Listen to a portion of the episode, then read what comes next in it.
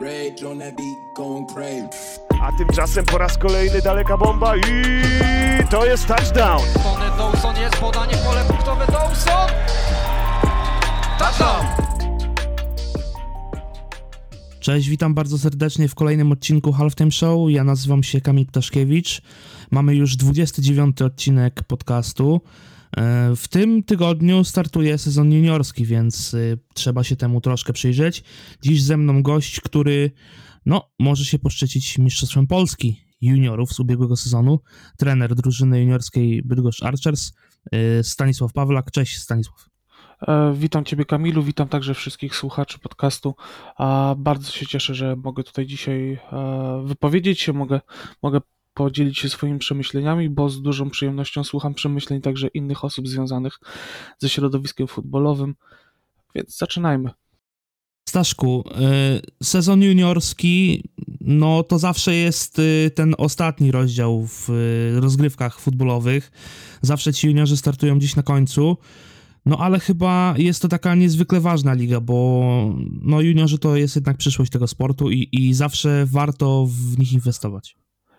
Zawsze powtarzamy sobie, że to jest niezwykle ważna liga, natomiast e, ja obawiam się, że to coraz bardziej brzmi jak komunał, a, a coraz mniej ma związek z prawdą, bo a, pamiętam czasy, kiedy potrafiło w rozgrywkach wystąpić po 20-20 parę drużyn juniorskich i z tych czasów rzeczywiście bardzo dużo zawodników, którzy wtedy pokazali się na boiskach, dzisiaj stanowią o sile swoich drużyn.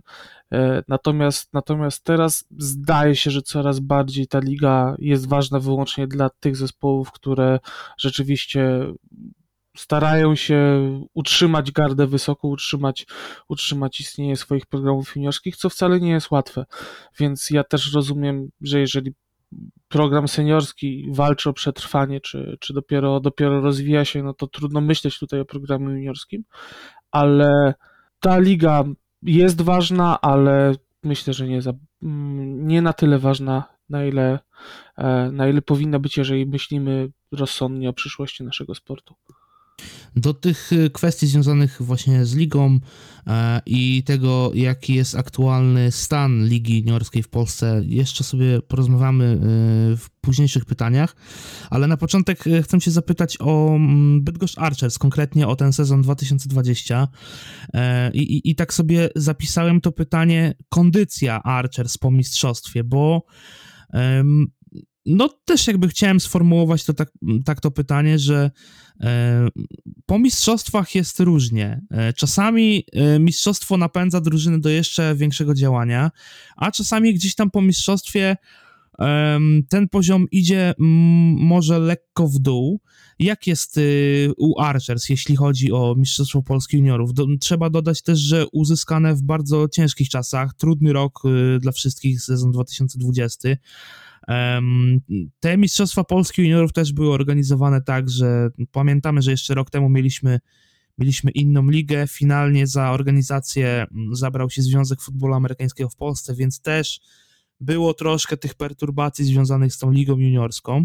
No ale finalnie sezon udało się rozegrać. e, Turniej Final Four, co ciekawe, też w Bydgoszczy. E, No i finał Archers kontra Angels, wygrany przez Archers. Jak to wpłynęło na całą organizację Archers i na stan drużyny juniorskiej? Ja pozwolę sobie, odpowiadając na Twoje pytanie, cofnąć się rok wcześniej, do 2019 roku, gdzie a, na, podczas deszczowego, deszczowego meczu na Golęcinie przeciwko Armiadzie Szczecin, a, który, który niestety przegraliśmy nieznacznie, no ale odpadliśmy w ten sposób z A, A, co ciekawe, byłem na tym spotkaniu, pamiętam, byłem na tym meczu. Jak stanęliśmy z zawodnikami w handlu po, po zakończeniu meczu, pojawiło się bardzo dużo łez, bardzo dużo gorzkich przemyśleń, ale przede wszystkim bardzo duże poczucie niedosytu.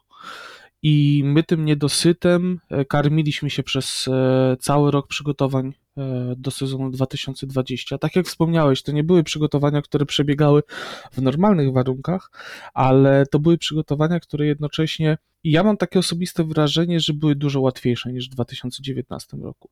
I wiem, że wszyscy będą mówili tutaj, że pandemia, że ciężko, że brak możliwości trenowania, e, tego typu rzeczy. Natomiast okazało się, że e, młodzież, która była zamknięta siłą rzeczy w domach, która nie mogła wychodzić do szkół, która nie mogła e, uczestniczyć w normalnym życiu społecznym, e, okazało się, że dla, dla tych, tych e, zawodników, dla, dla tych ludzi, jedną z form wyrażenia się, jedną z form tego, żeby wyjść i zrobić cokolwiek ze swoim życiem, stał się, stał się sport, w tym, w tym oferta, którą daje e, Bydgoszcz Arches. I pod tym względem przygotowania były, były dla mnie przynajmniej o tyle łatwe, że nie dość, że miałem ludzi, którzy mieli duże poczucie niedosytu, to jeszcze ludzi dodatkowo, którzy przyszli i chcieli się po prostu wyżyć, chcieli się po prostu znaleźć w jakimś miejscu, robiąc coś, co nie jest w czterech ścianach, mówieniem do, do ekranu komputera na elekcjach. I z tych dwóch elementów głównie a, zrodziło, zrodził się ten, ten mistrzowski sezon 2020. I odpowiadając na drugą część Twojego pytania, na to, co się dzieje po takim sezonie, znaleźliśmy sobie następny, następny cel, następny taką ideę fix, która, która nam przyświeca, także w handlu po sezonie 2020.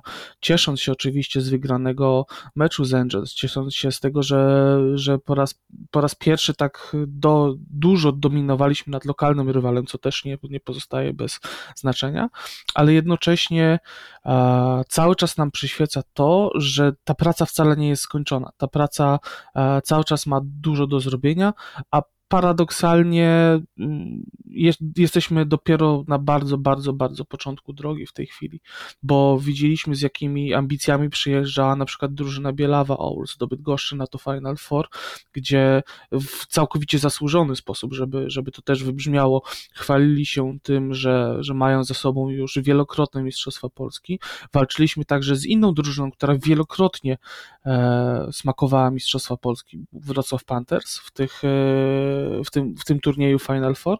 I zdawaliśmy sobie sprawę i myślę, że to bardzo mocno dotarło do zawodników, że jedno mistrzostwo to jeszcze nie jest koniec, że e, żeby, żeby tak naprawdę móc się chwalić tym, co tutaj robimy, co, na co zapracowujemy na, na treningach, e, czy, czy rozgrywając mecze w Bydgoszczy, e, mamy przed sobą jeszcze parę mistrzostw do zdobycia i e, ja to bardzo mocno widzę przez cały sezon, że, że ta młodzież, którą, którą trenuję, bardzo mocno ma to w głowie, że jedno mistrzostwo to nie jest wszystko, że, że prawdziwi mistrzowie potrafią rok w rok być na takim poziomie, który pozwala na, na rywalizację o najwyższe laury. Czyli motywacja jest jeszcze większa niż rok temu, żeby to mistrzostwo obronić. E, ale powiedz mi jeszcze, bo ym, Liga Juniorska to też jest y, ta, taki, takie ciekawe zjawisko, że y, co sezon y, praktycznie w każdej drużynie, która gdzieś tam wystawia swoją drużynę juniorską i posiada swój juniorski program, pojawiają się młodzi zawodnicy w tych podstawowych składach, w składach seniorskich. Mm, ja, żeby daleko nie szukać, to taka pierwsza myśl, jaka mi przychodzi do głowy, to Bartosz Gnoza, który no, fenomenalnie się pokazał w tym sezonie. E, czy wy też e, prowadząc program juniorski, to też tutaj rozmawiałem mm, na przykład z Piotrkiem Morko też o tym temacie, że e, prowadząc program juniorski, czy wy opieracie jakby swoją drużynę, drużynę Arches na tym, że mm, w późniejszych latach gdzieś tam ci zawodnicy E, będą stanowić o sile pierwszego zespołu. Wiadomo, że nie wszyscy, no bo też e, ściąga się graczy importowanych, tak, ściąga się czasami graczy gdzieś tam krajowych, no ale jednak ten trzon drużyny, większość tych zawodników to są gracze, który, którzy wywodzą się mm, z drużyn juniorskich. Czy, czy taka wizja jest w Bydgoszczy, czy jednak E, stawiacie na coś innego? Powiem tobie szczerze, że słowa, które usłyszałem wypowiedziane przez Piotra w twoim podcaście na temat, e, na temat budowania zespołu i czując tę dumę, którą Piotr ma e, z tego, jak dużo składu, składu Lowlanders jest w stanie zbudować zawodników, którzy są wychowankami drużyny, bardzo do mnie przemówiły bardzo do mnie przemówiły te słowa, bardzo a, duże połączenie, takie mind-to-mind connection poczułem z wizją, którą, którą Piotr nakreślił. I chciałbym, żeby tak to wyglądało za 3-4 lata w Bydgoszczy, bo na tyle oceniam w tej chwili a, gdzieś tam nasze nasze opóźnienie w realizacji tego typu celów pomiędzy, pomiędzy Lowlanders a Bydgoszczą. Bo myślę, że w tym momencie, w którym wychowankowie nasi mający 22-23 lata, czyli będący w takim prime atletycznym, powiedzmy, a, będą stanowili o sile zespołu, zespołu Arches, to będzie świadczyło o tym, że ta praca, którą w tej chwili wykonujemy w 2020, 2021 i, i tak dalej, e, rzeczywiście, rzeczywiście ma sens i, i przyczynia się do polepszania siły drużyny. Bo e, jeszcze jednej rzeczy chciałbym, żeby, żeby tutaj wybrzmiała. Dla mnie osobiście i staram się też to przeczucie wpajać moim trenerom, asystentom, a zdobywanie mistrzostwa Polski juniorów nie jest celem samym w sobie przed sezonem, definiując sobie nasze oczekiwania odnośnie naszej pracy, odnośnie, odnośnie tego, co chcemy osiągnąć, powiedzieliśmy sobie jasno, że dla nas jedną z ważniejszych rzeczy powinno być to, żeby dostarczać wartościowych zawodników do drużyny seniorskiej. To już udało się w tym roku. Wspomniałeś tutaj Bartosza Gnoza, natomiast, natomiast pamiętajmy, że to nie tylko Bartosz Gnoza, że, że, że bardzo dużo tej pracy e, na najwyższym poziomie wykonał na przykład Kacper Malak, który, jeżeli, jeżeli się nie mylę, zagrał no praktycznie od deski do deski wszystkie spotkania. E, zszedł gdzieś tam na dwa czy trzy playe w, w, w meczu z Silesia Rebels, ale, ale pamiętajmy, że mamy tutaj do, do czynienia, czy rozmawiamy o zawodniku, który ledwo skończył 18 lat.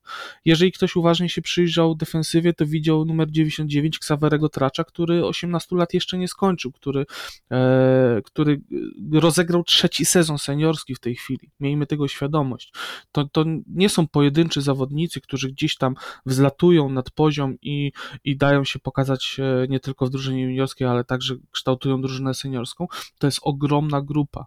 W tym roku w drużynie seniorskiej Bydgoszcz Arches wystąpiło i przez wystąpiło mam na myśli rzeczywiście weszło na boisko, robiło pleje, a miało wpływ na to, jak ta drużyna wystąpi, 11 zawodników mojej sekcji juniorskiej. I to jest dla mnie jedna z większych dum, jeżeli chodzi o 2021 rok, że ja miałem możliwość z jednej strony trenerowi Piechnikowi oddać tych 11 zawodników, żeby oni regularnie trenowali z sekcją seniorską, nie z sekcją juniorską i żeby, i żeby na tych treningach i w tych meczach rzeczywiście dawali, dawali jakość, a z drugiej strony y, Drugą dumą jest to, że ja w tym czasie razem z trenerami znalazłem kolejnych młodych zawodników, którzy inspirowali się sukcesami swoich odrobinę starszych, a nie zawsze starszych, nie, czasami, czasami dokładnie w tym samym wieku kolegów. I myślę, że ten głód sukcesu, ten głód występów na boisku, właśnie z tego powodu jest u nich tak samo duży, bo to nie jest obserwowanie dużo starszych osób, 22, 3, 5, 30-letnich, tak, tylko wiedza o tym, że nawet w tym wieku, nawet będąc 18-19-latkiem, można pokazać się na boiskach e, futbolowych w Polsce i pokazać się nie tylko w rolach, w rolach gdzieś tam rezerwowych, ale jeżeli jest się dostatecznie dobry, e, dobrym, to pokazać się także w pierwszoplanowych rolach. Bardzo fajne zdanie powiedziałeś i ogólnie cała wypowiedź bardzo mi się podobała i nasunęło mi się mm, do niej takie, takie pytanie, Powiedziałeś, że ci zawodnicy bardzo dobrze się pokazują pomiędzy y, graczami seniorskimi. Wspominałeś tutaj Bartosza Gnozę, Kacpra Malaka. E, I, i, I tak sobie pomyślałem, czy są te różnice pomiędzy graczami e, gdzieś tam 18-19-letnimi, a, a takimi, którzy mają już rozegrane powiedzmy, nie wiem, z 10 sezonów, no bo no, kiedy na przykład wchodzi Bartosz Gnoza na boisko, to, to tej różnicy w ogóle nie widać. Czy na przykład ty, jako trener, gdzieś tam się nie boisz e, wpuszczać tych zawodników do sekcji seniorskiej, bo, bo, bo być może to jeszcze nie jest ich poziom. Bo to, bo to jest ciekawe w sumie. Szczerze mówiąc, tak, są różnice, bo to jeszcze nie jest ten poziom atletyzmu, to jeszcze nie jest ten poziom e, rozumienia gry, czytania gry, który, który cechuje zawodników, którzy mają e, zapasem 5, 7, 10 sezonów. I To jest, to jest absolutnie prawda. Natomiast y, gdybym zamknął się w swoim podwórku, gdybym powiedział tylko juniorzy, juniorzy, juniorzy, juniorzy, tak, to ja zatraciłbym z oczu ten, ten duży cel. Ten cel, który polega na tym, żeby y, opierzać tych, tych młodych zawodników, żeby otrzaskiwać ich z dorosłym światem, bo czy chcę, czy nie, oni i tak dorosną, oni i tak będą mieli te 19-20 lat i tak wyjdą z mojej sekcji juniorskiej. Więc jeżeli będę oddalał ten moment, w którym oni z sekcji, z sekcji juniorskiej wyjdą, to myślę, że zrobiłbym im wyłącznie krzywdę. Wiadomo, że e, u niektórych osób e, trochę więcej czasu potrzeba na czy nauczenie techniki, czy na zadbanie o to, żeby, e, żeby odpowiednią formą atletyczną się legitymowali. Natomiast nie ma innej drogi. Nie ma innej drogi. Ci młodzi ludzie muszą wiedzieć, że jest jakiś wyższy poziom, że jest poziom, do którego można dążyć. To tak jak mówimy o seniorskich zawodnikach, gdzie, gdzie zawsze w dyskusjach pojawia się temat, e, temat oby jak najszybszego powrotu, powrotu do życia reprezentacji Polski gdyby nie było tego wyższego poziomu, czy gdyby nie było możliwości zagrania w dużo silniejszych ligach europejskich, w lidze, w lidze niemieckiej, w lidze LF, gdziekolwiek, gdzie nasi rodacy pojawiają się i pojawiają się nie, nie, dla, nie po to, że nie wiem, pojechać na wakacje, tylko rzeczywiście pojawiają się w ważnych rolach. Gdyby nie istniał ten wyższy poziom i gdyby nie, nie marzyć o tym, żeby na tym wyższym poziomie się zdarzyć, to stoimy w miejscu i ja nie mogę sobie pozwolić na to, żeby stać w miejscu z drużyną juniorską. Okej. Okay. No to skoro nie możesz sobie e, pozwolić na to, żeby stać w miejscu z drużyną juniorską, to zapytam cię teraz o przygotowania do sezonu 2021. E, sezonu, w którym już, no tak jak powiedziałeś, stawiacie sobie jeszcze wyższe cele niż e, rok temu. O nie, nie, nie, tutaj powiem tak. Naszym celem na sezon 2021 było dostarczenie wartościowych zawodników do drużyny seniorskiej. I ten cel myślę, że udało został się, z, udało, udało się zrealizować. Udało się zrealizować. Teraz, teraz celem jest to, żeby ci zawodnicy, którzy wzięli udział w rozgrywkach drużyny seniorskiej, pomogli nowym zawodnikom, którzy pojawili się w drużynie, posmakować tych samych emocji, tych samych wyników, które były naszym udziałem w zeszłym roku i żeby w przyszłym roku, powtórzę, dostarczyć wartościowych zawodników do sekcji seniorskiej, bo już w tej chwili wśród tych a, rookies są osoby, które ja będę z radością i, i czystym sercem rekomendował trenerowi Piechnikowi. Mam nadzieję, że pokazał się na tyle z dobrej strony, że trener Piechnik nie będzie miał innej decyzji do podjęcia, jak, e, jak chcieć po prostu tych ludzi na treningach. Natomiast Mistrzostwo Polskie nie jest celem samym w sobie. Celem powtórzę to dobitnie jeszcze raz, jest dostarczenie wartościowych zawodników do sekcji seniorskiej. Dobrze, to jeżeli chcecie e, dostarczyć tych zawodników do sekcji seniorskiej, no to e, jakoś trzeba ich przygotować. Była rekrutacja do drużyny juniorów oraz ogólnie chciałbym tak zapytać o, o całe przygotowania. E, jaki skład osobowy na ten sezon juniorski udało się zebrać? Ile, ile osób jest w drużynie? No i jak wyglądają treningi? Ile, ile razy trenujecie w tygodniu?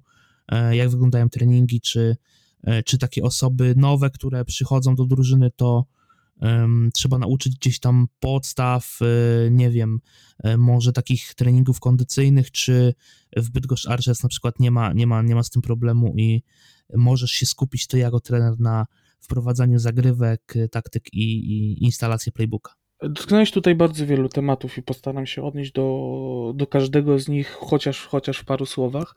A przede wszystkim, mm, patrząc na podsumowanie tych naszych przygotowań, które no, są, można powiedzieć, w tej chwili na, na, na linii mety, przedsezonowych e, mamy ze sobą około 140-150 treningów, e, które, które odbyliśmy czy na boisku, czy, e, czy na boksie crossfitowym, pracując nad, nad kondycją zawodników. Bardzo się cieszę, że w te treningi zaangażował się także nasz trener przygotowania fizycznego Paweł Ślęga, bo wykonał bardzo dużą robotę, nie tylko jeżeli chodzi o a, usprawnienie naszych zawodników, jeżeli chodzi o wyniki atletyczne, ale także o dotarcie do ich głów, jeżeli chodzi o regenerację, jeżeli chodzi o e, jogę, rozciąganie się, o kontrolę nad własnym ciałem, o świadomość zasad prewencji kontuzji. To są, to są rzeczy, na które też bardzo mocno zwracamy uwagę. Natomiast tak, y, gdzieś tam do stycznia, lutego, początku marca rzeczywiście koncentrowaliśmy się nad aspektami, aspektami kondycyjnymi głównie. W marcu wyszliśmy na boisko, od tego czasu, od tego czasu bardzo dużo pracy nad techniką jest za nami. W maju zaczęliśmy instalować zagrywki do playbooka. Wiadomo, że wakacje nie są bardzo sprzyjającym momentem, bo a nuż to ktoś wyjeżdża na wakacje i, i gdzieś tam, gdzieś tam znika e, na jakiś czas z treningów. Natomiast e, poradziliśmy sobie i z tym. Myślę, że myślę, że a, odpowiednio dużo było zajęć, żeby każdy, kto chciał, żeby nabrał tę wiedzę, która jest potrzebna do rozegrania sezonu. Więc to tak jakby podsumowywało to pytanie odnośnie, odnośnie tego, jak te przygotowania wyglądały od strony formalnej. Natomiast e, chciałbym też, żeby to bardzo mocno wybrzmiało, jaki jest podział zadań jeżeli chodzi o sztab trenerski, który, e, którym mam przyjemność zarządzać, którym mam przyjemność e, kierować, bo całość zagadnień związanych z taktyką ofensywną. To jest Kuba Kubacki. To, to, to nie jest tak, że ja mu tam e, e się, e, się wpieprzam w kompetencje, że, że podpowiadam, e, podpowiadam play by play, co ma zagrać. Nie, to jest ofensywny koordynator pełną gębą. Tak samo taktyka defensywna to też nie jest jakiś mastermind Pawlaka. To jest Cezary Szczerba i, i trener Szczerba też bardzo szanuję jego pracę, zresztą e, wyrazem tego szacunku jest ten tytuł, który dostał w zeszłym roku, tytuł trenera sezonu, bo defensywa zeszło, zeszłosezonowa myślę, że na poziomie juniorskim nie miała sobie równych. Dalej linia ofensywna i defensywna to jest tandem, tandem trenerów. E, Mateusz Konwent jako koordynator liniowych pomaga mu w tej chwili Adam Izydorczyk, e, młody, perspektywiczny zawodnik drużyny seniorskiej, ale także człowiek z wielkim zacięciem do pracy nad młodzieżą. I to też jest moja wielka duma, że, że liniowi mają człowieka, do którego mogą się zwrócić z bardzo szczegółowymi pytaniami, kto, e, czy, czy ludzi, którzy o nich bardzo dbają i zapytasz się, gdzie w takim rola, razie jest rola, rola moja. I szczerze mówiąc, moja rola jest taka, i to, i to też sobie bardzo, bardzo szczerze powiedzieliśmy z trenerami, żeby oni pracowali z młodzieżą, a moja rola jest taka, żeby mieli z kim pracować. I myślę, że ja moją pracę też bardzo uczciwie wykonałem w tym roku. Przez y, zespół juniorski w tym roku przewinęło się, musiałbym spojrzeć dokładnie w notatki, ale około 70 osób. Z tych 70 osób wyselekcjonowaliśmy 48, które zostaną zgłoszone do rozgrywek. I pamiętajmy, że te 48 osób to jest już i tak bez, bez dwóch naszych zawodników, którzy zdecydowali się na poszukanie swoich szans, swoich szans w Stanach Zjednoczonych, wyjeżdżając do, do preparatory school czy junior college. Więc y, mówimy tutaj naprawdę o dużej grupie ludzi. Wiadomo, że w tej grupie jest dziewięciu zawodników, którzy brali udział w rozgrywkach seniorskich i to można powiedzieć, że jest taki trzon. To są, to są najważniejsi zawodnicy z punktu widzenia a, nas trenerów, jeżeli chodzi o układanie drużyny, ale to jest 22 y, zawodników łącznie, którzy w zeszłym roku zdobywali Mistrzostwo Polski i 26 rookies w różnym wieku, bo to są i rookies, którzy są z ostatniego rocznika, z rocznika 2002, ale mamy też dużo utalentowanej młodzieży z roczników 2006, nawet 2008 w tym roku, w tym roku dwóch zawodników zgłaszamy, którzy już w tej chwili na treningach rywalizują bardzo często jak, może nie jak równy z równym, ale bardzo często z bardzo dużym zacięciem i bardzo nas ciesząc, e, jak to wygląda, z zawodnikami, którzy są po 2, 3, 4 lata starsi. I do tego jeszcze w gronie tych 48 osób jest kilka dziewczyn z naszego programu drużyny kobiecej, które są w wieku juniorskim i które też nadają się do gry na poziomie juniorskim, które też swoimi umiejętnościami technicznymi, swoją szybkością, swoim czytaniem gry, swoim zrozumieniem zasad też dają mi nadzieję na to, że te snapy, które dostaną, te snapy, na które wyjdą w trakcie meczów, to nie będą snapy tylko dlatego, że o, dziewczyna wyszła, bo, bo jest, nie wiem, kwiatkiem do kożucha, tylko też dadzą jakość. One się też nie mogą doczekać grania, bo też bardzo mocno zapracowały na to, żeby na tym boisku się znaleźć. Więc a, moja część pracy to jest przypilnowanie, żeby te 48 osób znalazło się na treningu, żeby rodzice wiedzieli, co się z nimi dzieje, żebym ja wiedział, jakie mają problemy ze zdrowiem, problemy w szkole, a, życiowe problemy. Może to się wydawać trywialne, ale, ale dla mnie faktem jest, że ja potrafiłem, nie wiem, pisać rozprawki na język polski, pisać wypracowania z zawodnikami na język angielski, rozwiązywać zadania z matematyki w szatni przed treningiem. Nawet takie rzeczy myślę, że są ważne w pracy, w pracy trenera, żeby ci ludzie wiedzieli, że to boisko na Słowiańskiej, ten obiekt, na którym trenujemy, to jest przestrzeń, gdzie oni nie tylko mogą się wyżyć sportowo, ale też znajdą ludzi, którzy ich wysłuchają i którzy będą a, taką kotwicą życiu, które nie jest wcale w łatwych czasach, które jest w czasach, kiedy, kiedy nie wszystko oni rozumieją, dlaczego się dzieje, nie, nie rozumieją, dlaczego ograniczane są, e, są ich możliwości, nie rozumieją, dlaczego, e, dlaczego szkoły są pozamykane, e, którzy męczą się na, na elekcjach, którzy, którzy chcieliby żyć po prostu normalnym życiem nastolatka, a nie zawsze, nie zawsze mają taką możliwość. A może czasami nawet w domu nie dostają takiej ilości uwagi, którą, na którą, którą by potrzebowali, na którą zasługują. I to bardzo często do nas przychodzą ze sprawami, które, tak jak powiedziałem, są życiowe i, i wymagają tego, żeby powiedzieć młodemu człowiekowi: zrób tak, to będzie dobre. Nie rób tak, bo, e, bo to będzie złe, bo to tobie zaszkodzi w przyszłości.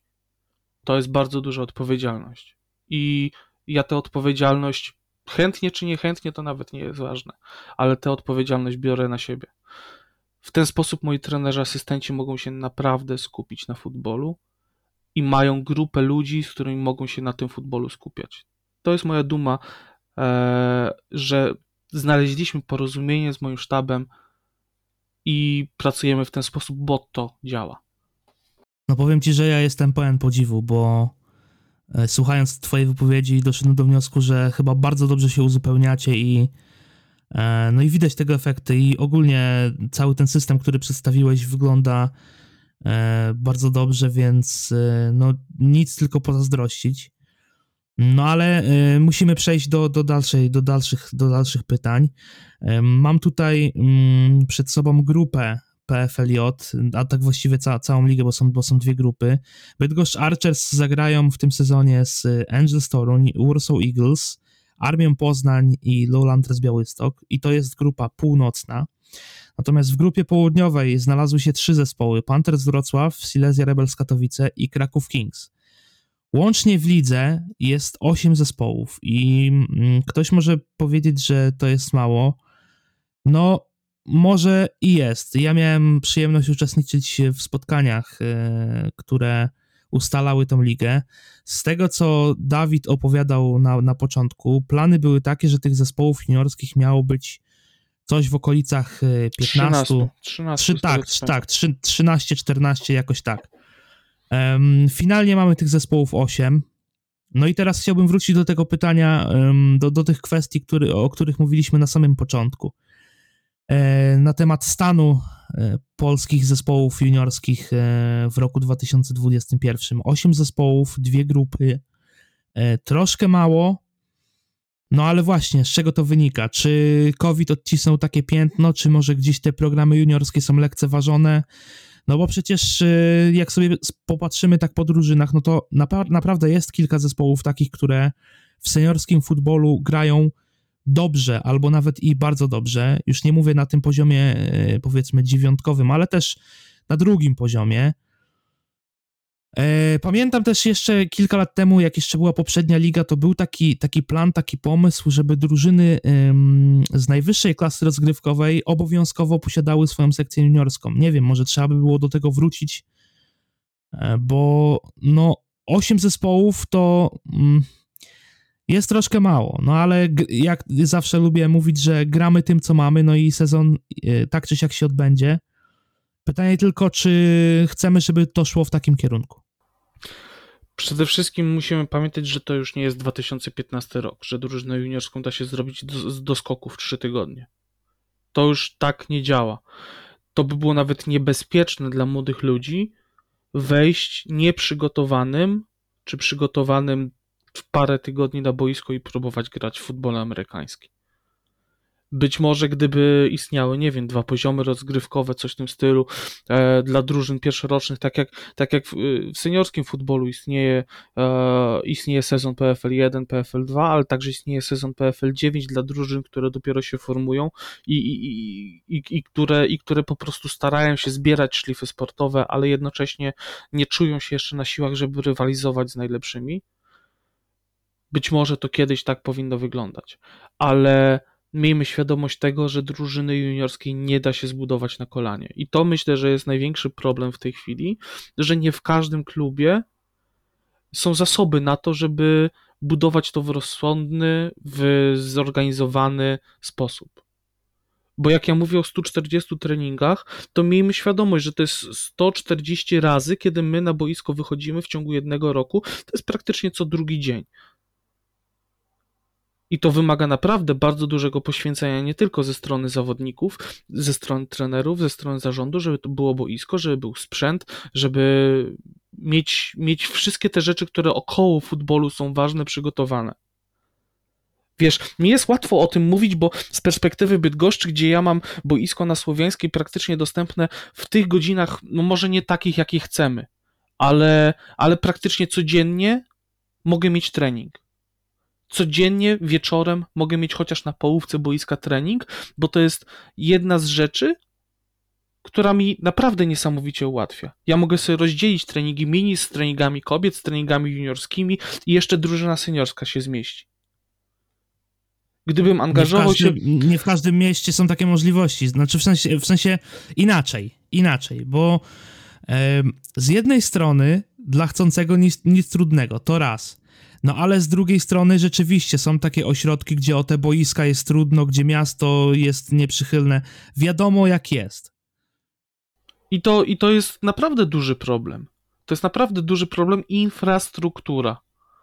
Oczywiście ja zazdroszczę miejscowościom, które mają boiska typowo do futbolu amerykańskiego. Marzę o tym, marzę o tym, żeby nasze sukcesy, czy Mistrzostwo Juniorów, czy tegoroczne Mistrzostwo Seniorów, daj Boże, żeby, żeby te sukcesy się powtórzyły w przyszłości, y, żeby te sukcesy spowodowały, że w Bydgoszczy pojawi się takie boisko.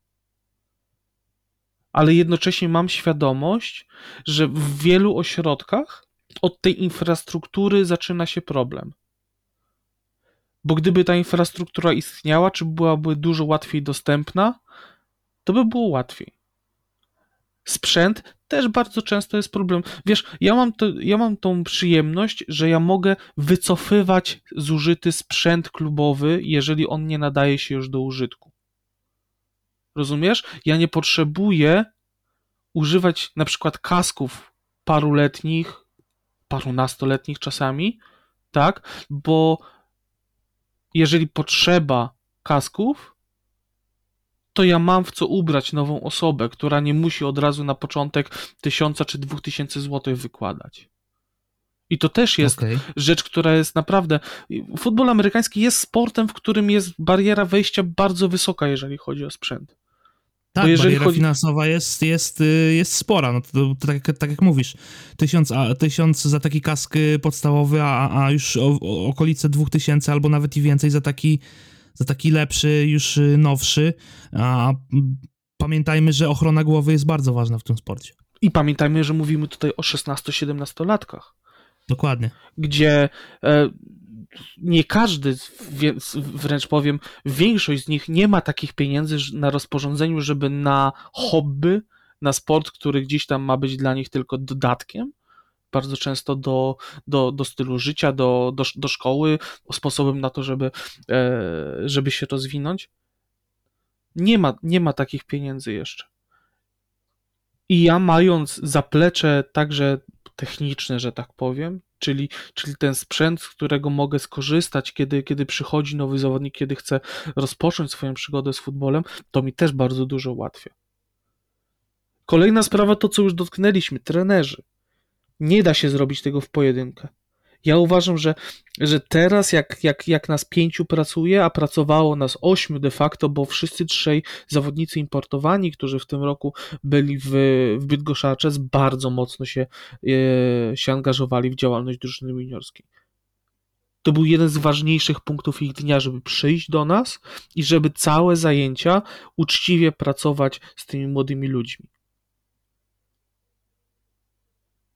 Więc 8 osób pracuje na te 40 parę, 50, a jeszcze pamiętajmy, że nie wspomniałem tutaj o trenerze sekcji minis, który swoją robotę robi jeszcze oddzielnie. Okay. Który nie musi się angażować w sekcję juniorską, który, który może pracować z tymi najmłodszymi, może ich uczyć futbolu flagowego, może im wpajać podstawy sportu i o co tak naprawdę nie muszę się martwić, bo Paweł Malicki robi też świetną robotę i bardzo, bardzo, bardzo się stara. Zresztą dowodem tego jest trzech zawodników, którzy wychodzą z programu Ministrzy, są na granicy programu Minis i programu juniorskiego i, i, i wchodzą na boisko normalnie jako zarejestrowani zawodnicy, a nie, a nie gdzieś tam, nie wiem, w ramach, w ramach przyjacielskiej przysługi. Więc sprzęt to jest, yy, przepraszam, yy, sztab trenerski to jest kolejna rzecz i to jest naprawdę, te trzy czynniki, które powiedziałem, naprawdę powodują, że pod wieloma względami łatwo jest prowadzić program juniorski w Bydgoszczy. I teraz pomyśl o sytuacji odwrotnej. Nie masz boiska, nie masz w czym trenować i nie masz trenerów, którzy mogliby to ogarnąć albo trenerzy, którzy mogliby to ogarnąć, nie mają czasu, bo mają pracę, bo mają rodzinę, bo mają tysiące, tysiące innych rzeczy życiowych, które muszą ogarnąć oprócz na przykład grania samemu jako zawodnik w futbol amerykański. No to nie są warunki, które by sprzyjały budowaniu programów juniorskich. Z jednej jakbym, strony, z jednej strony masz mógł rację. Tylko, mógł tylko mhm. dokończyć. Mhm. Przygotowując się do naszej dzisiejszej rozmowy, pomyślałem sobie, ile tak naprawdę mnie kosztuje praca w drużynie juniorskiej. Bo już nie wspomnę o tym, że moja żona doskonale wie, że ja jestem w domu tylko przez trzy tygodnie na przełomie listopada i grudnia. To jest jedyny czas, kiedy ja jestem w domu. Mo moi rodzice wiedzą, że mój kalendarz jest podporządkowany pod treningi, że to nie jest tak, że ja mam wolny wieczór, więc ja przyjadę do nich na kawę czy coś w tym stylu. Nie. Ja, oni muszą się wpasować w to, kiedy ja mogę akurat przyjechać. Moja, moja rodzina, moi znajomi wiedzą doskonale, że futbol jest na pierwszym miejscu. Pytanie, jak wielu z nas jest w stanie na takie poświęcenia się zdobywać? No słuchaj, ja, ja, to, ja to znam I... z autopsji, bo też, y, bo, bo też... Tak, tak, y, doskonale. Widzę, widzę, że starasz się być wszędzie, gdzie tylko możesz i tak dalej. Tak, ja tego nie mówię po to, żeby teraz ktoś mówił, o biedny, biedny, biedny Pawlak, bo, bo nie ma życia, życia prywatnego, to ile, ile by chciał. No ale taki jest fakt. To jest futbol to też są to też jest to, że na przykład ja mam bardzo duże wsparcie ze strony pracodawcy, jeżeli chodzi o, jeżeli chodzi o futbol amerykański. Jestem dumny z tego, że, że, że ludzie, którzy, którzy są moimi kierownikami, menedżerami, byli ze mną oglądać na przykład finał w Ząbkach. Przyjechali specjalnie do ząb, ząb, Ząbek, Ząbków, ząbek, ząb, ząbek, ząbek, tak, usiedli ze mną na trybunach i autentycznie zainteresowali się tym, co robię poza godzinami pracy w korpo. I mam, czuję bardzo wielkie wsparcie, bo pytają się, bo yy, cieszą się razem, razem ze mną tą pracą. Daj Boże, żeby każdy w swojej pracy zawodowej miał takie kierownictwo, które rzeczywiście nie tyle nawet przyjmie do wiadomości pasję zawodnika czy pasję trenera, ale też aktywnie ją będzie wspierało. To też nie no, jest standard, tak? Mhm. Już nie wspomnę troszkę... o tym, mhm. Y, jeszcze dosłownie dwa, dwa, dwa okay, zdania. Okay. Nie wspomnę o tym, że wiesz, ja mieszkam w Toruniu, dojeżdżam na treningi do Bydgoszczy, jeżeli przyjeżdżam na treningi 4-5 razy w tygodniu, to jest 100, 100 parędziesiąt kilometrów, które dziennie muszę przejechać, żeby dotrzeć na trening wrócić z treningu późno, a następnego dnia rano wstać do pracy i znowu w tym kółku być. Ja myślę, że jakby podliczyć tak pieniężnie te, te koszty, to, to one idą w dziesiątki tysięcy złotych rocznie. I to jest naprawdę duże obciążenie i finansowe, i organizacyjne, i jeżeli chodzi o stres, który jest. I teraz zadajmy sobie bardzo uczciwie pytanie, czy ja byłbym w stanie takie obciążenie ponosić. Ja, nie, ja jako Stanisław Pawlak, tylko ja jako słuchacz tego podcastu. Są ludzie, którzy w tym sporcie takie, ob, e, takie obciążenia ponoszą, którzy potrafią dojeżdżać na treningi przez pół Polski, którzy potrafią e, być zawsze wszędzie, kiedykolwiek coś się dzieje futbolowego, czy związanego z drużyną, czy futbolowego ogólnie. I ja czerpię z takich ludzi inspirację. Ja czerpię z takich ludzi to, że mi się chce następnego dnia wstać i działać dalej. Ale umówmy się, że to też jest kolejny element, nikt nie ma obowiązku tego robić. Nikt nie ma obowiązku tego, żeby poświęcać kawał swojego życia, ale jeżeli już się decyduje na to, żeby poświęcić, to niech to robi, niech to robi dobrze, niech to robi na poziomie, niech to robi konsekwentnie. I to jest też kolejny element, który, który powoduje, że program juniorski czy program seniorski może działać albo nie może działać. No właśnie. Potrzeba ludzi, którzy będą gotowi mhm. się poświęcić, nie dla własnego dobra, nie dla, nie dla, nie wiem, wielkich tytułów, wielkich pieniędzy, tylko dla, do pracy nad bardzo ciężkim tematem nad zrobieniem z 15, 16, 17 latka, który czasami ma wściub w głowie, który, który ma tysiąc tematów na godzinę i który czasami ledwo ogarnia, ledwo ogarnia to, jakie autobusy jeżdżą po mieście, a my wymagamy od niego dbania o, e, dbania o siłownię, dbania o jedzenie, dbania o tysiące innych rzeczy to jest duże poświęcenie, na które trzeba być gotowym i trzeba być gotowym nie przez tydzień, nie przez dwa tygodnie, tylko przez lata, jeżeli myśli się o sukcesie. Tutaj masz y, całkowitą rację i ja, ja zgadzam się z tobą w 100% i też, y, też jestem, że tak powiem, y, takim człowiekiem, który może pomarzyć o, o, wolnym dopiero w listopadzie, więc doskonale wiem, o czym mówisz. E, ale troszeczkę, troszeczkę ci przerywałem, bo um, odbiegliśmy troszeczkę, troszeczkę od tematu. Znaczy, to jakby się z tym łączy wszystkim, co tu, o czym tutaj rozmawialiśmy, ale um, odeszliśmy od tego głównego tematu, co musi się stać, żeby tych drużyn było więcej. Już nie będziemy się w to wgłębiać, ale zapytam y, tym razem tak krótko.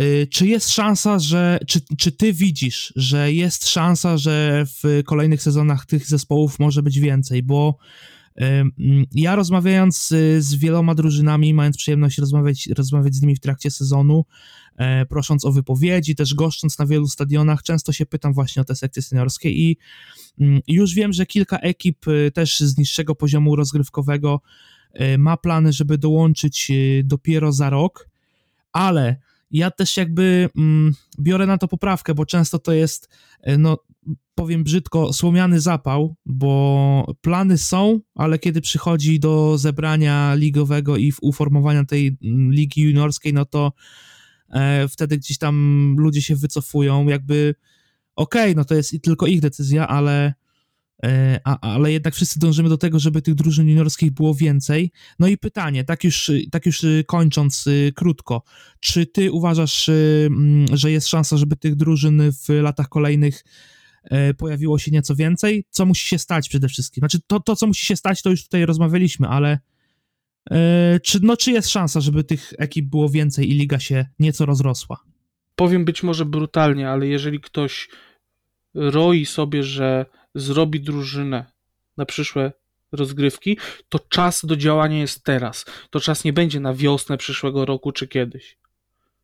To o tak, teraz, to, to teraz trzeba zacząć. Jeżeli teraz nie zaczniesz, prezesie, trenerze, jeżeli teraz nie zaczniesz, tak, jeżeli teraz nie zaczniesz, to uwierz mi, że nie zaczniesz w ogóle. To to jest tylko czcze gadanie, że ty zrobisz drużynę juniorską. Staszku, mamy dzisiaj 1 września. Dzieci idą do szkoły i to jest chyba idealny moment, żeby zacząć działać, no bo to jest taka fajna data, wiesz. E, rozpoczyna się nowy rok szkolny, no i można działać. Trzeba działać, trzeba działać. Jeżeli nie będziemy działać na tym poziomie, jeżeli nie będziemy dbali o to, żeby zapewnić naszemu sportowi przyszłość, to znajdziemy się w takim miejscu, gdzie nie tylko nie będzie sekcji juniorskich, albo będzie ich cztery albo pięć. Bo ja się boję osobiście bardzo tego, że, że skończymy za dwa lata z sytuacją, gdzie, gdzie nie będzie z kim wygrać, nie będzie z kim przegrać. Znajdziemy się w sytuacji, gdzie ludzie, którzy rozpoczynali ten sport w Polsce, już to się dzieje, pokończą kariery i nie będzie kim grać. Nie tylko na poziomie juniorskim, nie tylko na poziomie dziewiątek czy, czy dwójki, zaraz nie będzie kim grać na poziomie jedynki, na poziomie top. Jeżeli w tej chwili, i to mówię z pełną odpowiedzialnością, jeżeli w tej chwili nie obudzimy się jako środowisko, jako, uh, jako ludzie, którzy są związani z tym sportem i nie zadbamy o to, żeby każda drużyna dbała o rozwój zawodników poniżej 19 roku życia, to my za kilka lat obudzimy się w sytuacji, gdzie będziemy się rzeczywiście emocjonowali rozgrywkami, ale nie polskimi. Bo po prostu nie, Okej. będzie, nie będzie kogo obserwować grającego w ten sport. Okej. Staszku, y, stały punkt programu u mnie w podcaście, czyli y, zerknięcie na to, co się działo przez weekend. Może nie będziemy już y, zaglądać do dziewiątek, bo te wyniki są dostępne, y, są dostępne na, na, na social mediach y, Polskiej Football Ligi. Też już mamy trochę minut podcastu, więc skracam ile mogę. Warto wspomnieć o Panthers Wrocław, bo wygrali 35-12 z Berlin Thunder. No Świetny i mecz. przy- Oglądałem tylko czwartą kwartę, ale, ale naprawdę e, czapki z głów przed trenerem Samelem, przed jego sztabem szkoleniowym, przed całą drużyną Panthers, bo a, będąc no, trochę, trochę pod ścianą, jeżeli chodzi o konieczność, konieczność zdobywania punktów, konieczność osiągania wyników, oni są w stanie znajdować naprawdę, naprawdę wielkie pokłady motywacji i, i wspinać się na najwyższe, e, najwyższe poziomy sportowe. E, Jakubie, jeżeli słuchasz tego podcastu, naprawdę jesteś dla mnie też wielkim źródłem inspiracji i, i mam nadzieję, mam nadzieję, że, że będziesz osiągał w Europie e, naprawdę wspaniałe wyniki. Ja akurat y, w końcu miałem okazję obejrzeć mecz y, Panthers y, w całości, bo w tym tygodniu nie wybierałem się na żaden mecz Ligi Polskiej. E, Usiadłem i obejrzałem y, mecz Panthers. Tak jak mówisz, świetne spotkanie. Kontrolowane tak naprawdę od początku do końca. Nie, nie wydarzyło się tam nic takiego, co mogłoby Panterom zagrozić. E, No i teraz y, ta, to, ta ostateczna wojna, czyli mecz z Lipskiem, który zadecyduje o awansie do półfinałów.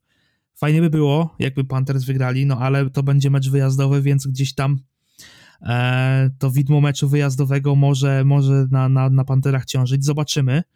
E, jak To jest wszystko dobra wyjdzie. sytuacja, że Panthers mają wszystkie karty w swoich rękach. Że wyłącznie od no tego, jak oni zagrają, zależy to, czy się znajdą w półfinale rozgrywek, czy się nie znajdą. Ja życzę wszystkiego dobrego tej drużynie, bo wiem, jak dużo pracy nie tylko sportowej, ale organizacyjnej jest wkładane w ten klub, żeby on działał tak, jak działał. I to jest dla mnie, tak jak mówię, duże źródło inspiracji. E, Też y, przed nami oczywiście mecze Ligi Dziewiątek.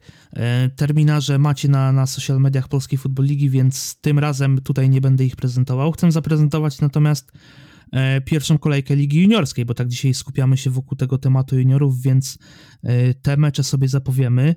W sobotę mm, o godzinie 15 Bydgoszcz Archers Warsaw Eagles, e, a w niedzielę mm, Lowlanders e, Białystok e, Armia Poznań, oraz y, Silesia Rebels Katowice i Kraków Kings. Znowu pierwsza kolejka i mecz Rebels Kings. Ciekawe, czy znowu będzie to mecz zacięty.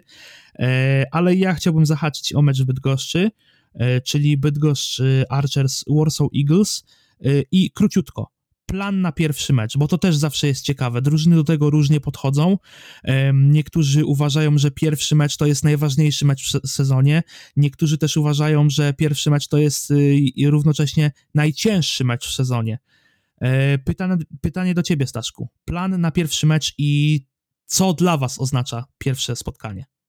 nie możemy się doczekać wyjścia na boisko i zagrania. Naprawdę jest, jest to kulminacja wielu miesięcy bardzo ciężkiej pracy.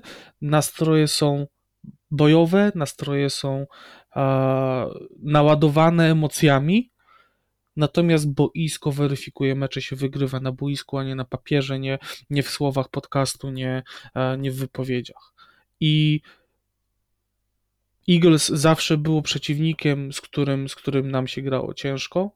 E, Zawsze było przeciwnikiem, który potrafił nas ustawić do pionu. Mamy nadzieję wygrać ten mecz na naszych warunkach i ze spokojem punktować, ze spokojem bronić, ze spokojem na końcu się cieszyć z końcowego wyniku. Natomiast mecz wygrywa się na boisku. Eagles zawsze dysponowało szerokim składem juniorskim. Trener Zduń zawsze potrafił juniorów ustawić tak, że oni grali zróżnicowany, ciekawy futbol i liczę na to, że osoby, które będą obserwowały czy z wysokości trybun na ulicy Słowiańskiej, czy e, poprzez, poprzez stream, który będzie udostępniony to spotkanie, że będą miały naprawdę ciekawy mecz do obejrzenia.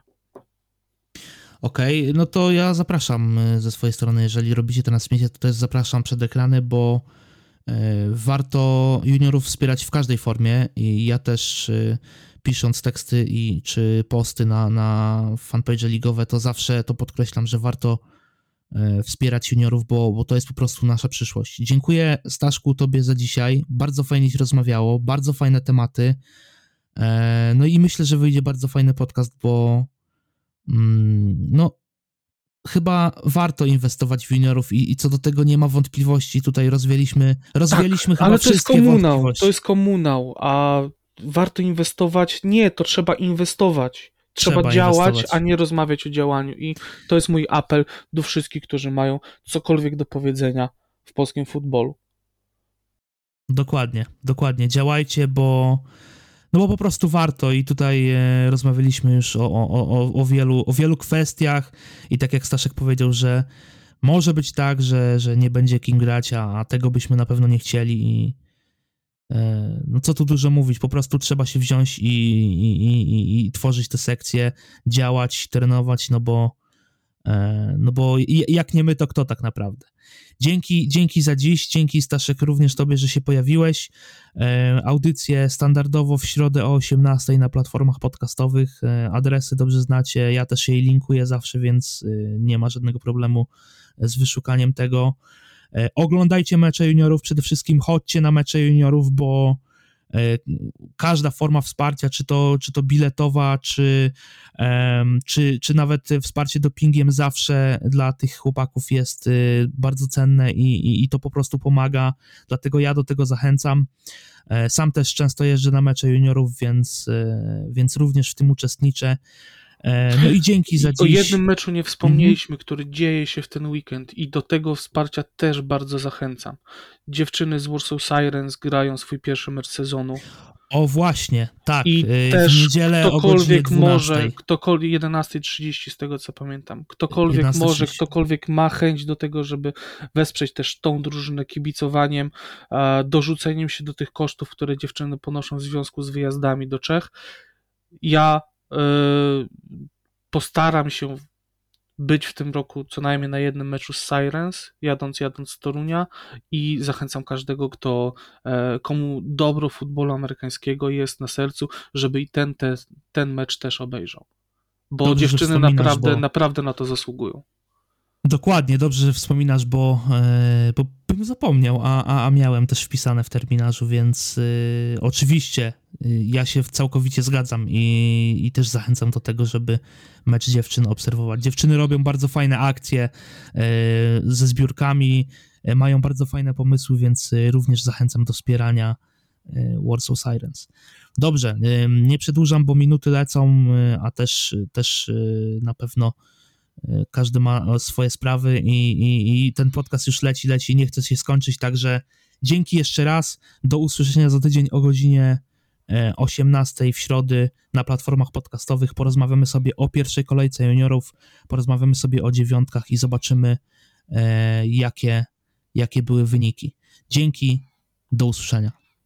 Dziękuję, do usłyszenia.